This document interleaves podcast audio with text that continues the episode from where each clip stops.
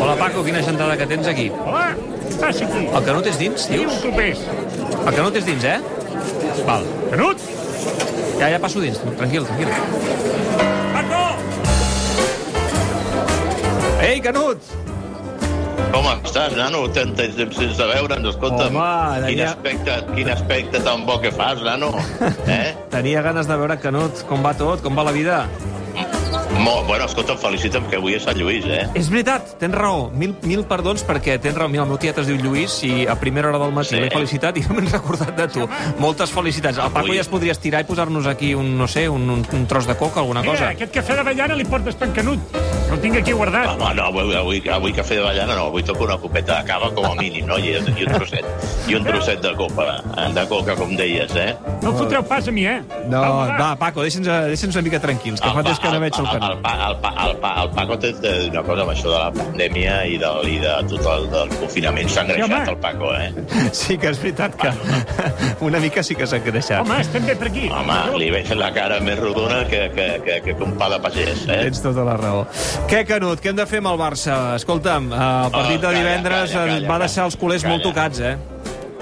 Eh, entre el partit de divendres i que s'ha confirmat que De Jong té una lesió que el pot tenir apartat com a mínim un mes de, de, de, de la competició, amb la qual cosa pràcticament diria adeu a la, a la Lliga, doncs la cosa s'ha posat eh, malament. De tota manera, jo sóc dels que penso que avui el Madrid perfectament pot ensopegar Noeta eh, contra la Real Societat. Sí, el problema I són que- les sensacions i que deixa el Barça, Lluís. Sí, sí, sí, sí, sí. El problema és que el Barça mm, no, no, no ha millorat respecte al que el Barça que ens va deixar abans de l'aturada. El Barça continua depenent i excessivament de Leo Messi perquè si no és Messi el que resol la situació hi ha manca de desequilibri en els jugadors d'atac i sobretot també la sensació de que l'entrenador continua absolutament eh, a les ordres del, del, de, de, d'un vestidor que és el que imposa la llei i on continua havent-hi futbolistes que són intocables com es va poder veure divendres al Sánchez Pizjuán on encara ningú acaba d'entendre com Ansu Fati es va passar tot el partit a la banqueta i Suárez va jugar 90 minuts. Ahir amb el Salmurri vam fer l'exercici de recuperar alguns moments de la roda de premsa de presentació de Setién el mes de gener i clar, eh, feia una mica de mal sentir com eh, tenia un discurs molt, molt convincent i sobretot en el, en el, en el capítol del planter deia jo eh, amb això sóc irrenunciable, els joves eh, vull que pressionin els, eh, els veterans, amb mi tindran espai i clar, eh, jo no sé si és que està molt condicionat pels pesos pesants que hi ha al vestidor del Barça, però és una evidència que això al final no ho hem vist amb Setién. No, no, ni de bon tros cu- complert les expectatives de les que venia precedit i que, i que tothom esperava doncs, que pogués aplicar al Barça. Segurament una de les millors frases sobre Quique Setién eh, les he sentit en els últims dies quan des de Sevilla algú deia diu, cuando estaba en el Betis quería jugar como el Barça y cuando ha, ido, ha llegado al Barça juega como el Betis. I és una miqueta doncs, la contradicció amb el que ens estem trobant amb, amb Quique Setién i sobretot la imatge de, de, de, de, de, de, de persona absolutament entregada en el partit de divendres al, al Sánchez Pizjuán quan es veia molt més a Saràbia sortint a la zona tècnica a donar instruccions que no pas el primer entrenador del Barça, no? I això és el que més em va cridar l'atenció, especialment del, del, de l'últim passatge del partit on el Barça semblava que, que ho intentava però que no era capaç de trobar solucions per penetrar i trencar la trencada defensa del, del Sevilla i era un Setién que, que no reaccionava des de la banqueta i en canvi eh, qui duia la batuta i duia les instruccions cap als jugadors des de la zona tècnica era el seu segon Eder Saràbia. Mm, Tu creus que Setién continuarà l'any que ve? Um, en priori sí, no, no ens han donat inputs um, del contrari, però tu, tu, tu visualitzes un canvi d'entrenador? Home, a mi em costaria de creure que si Setién no guanya cap títol en aquest raig final de la temporada veig difícil que, que pugui continuar, no? perquè, perquè això significarà un nou desencís per la- per l'afició la, i, bueno, hem de, hem de recordar que li queden dos anys més de contracte. Sí, sí, eh? sí, per això ho dic. Eh? Que fer-lo fora no, no, no, no seria res eh, barat, no?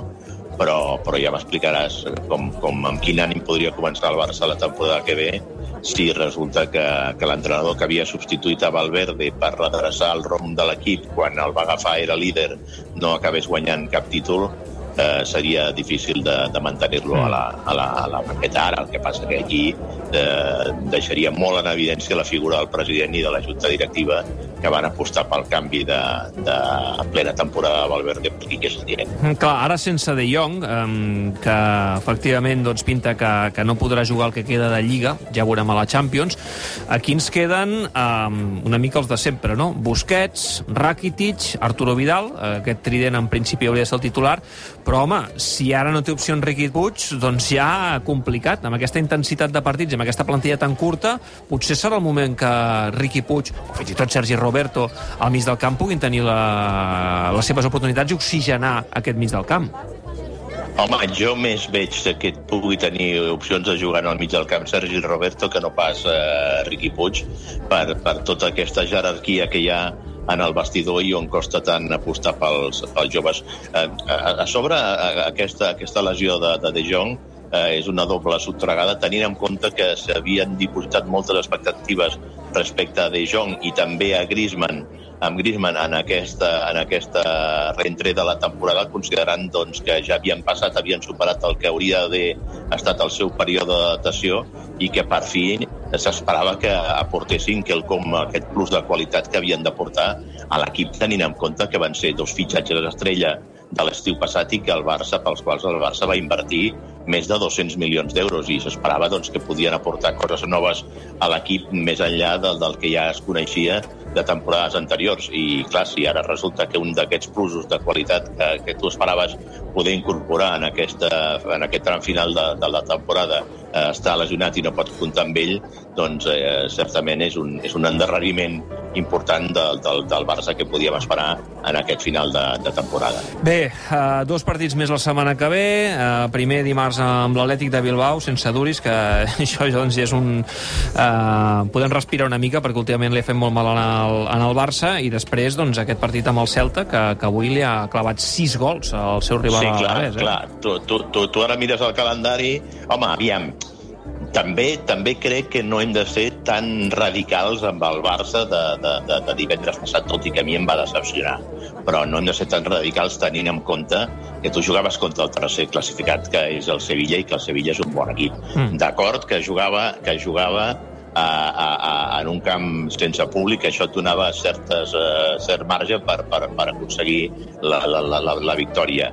Però, però a partir d'ara jo crec que qualsevol partit que hagis d'afrontar d'aquests de fora a casa són autèntiques proves de foc i la de Balaïdos no serà gens fàcil, com ho hem pogut comprovar quan bé deies tu, per la, per la, de, per, per la demostració i el bany de joc que li ha donat a l'Alavés aquesta tarda, no? Sembla Aquest que reacciona, sí, el Celta de, de l'Òscar Garcia. Molt bé, Canut, escolta'm, eh, me'n vaig cap a dalt, eh, ens veiem la setmana que ve, d'acord? A veure en quin punt trobem el Barça, perquè això cada setmana ja portem dos partits més i les coses canvien com, com un mitjó.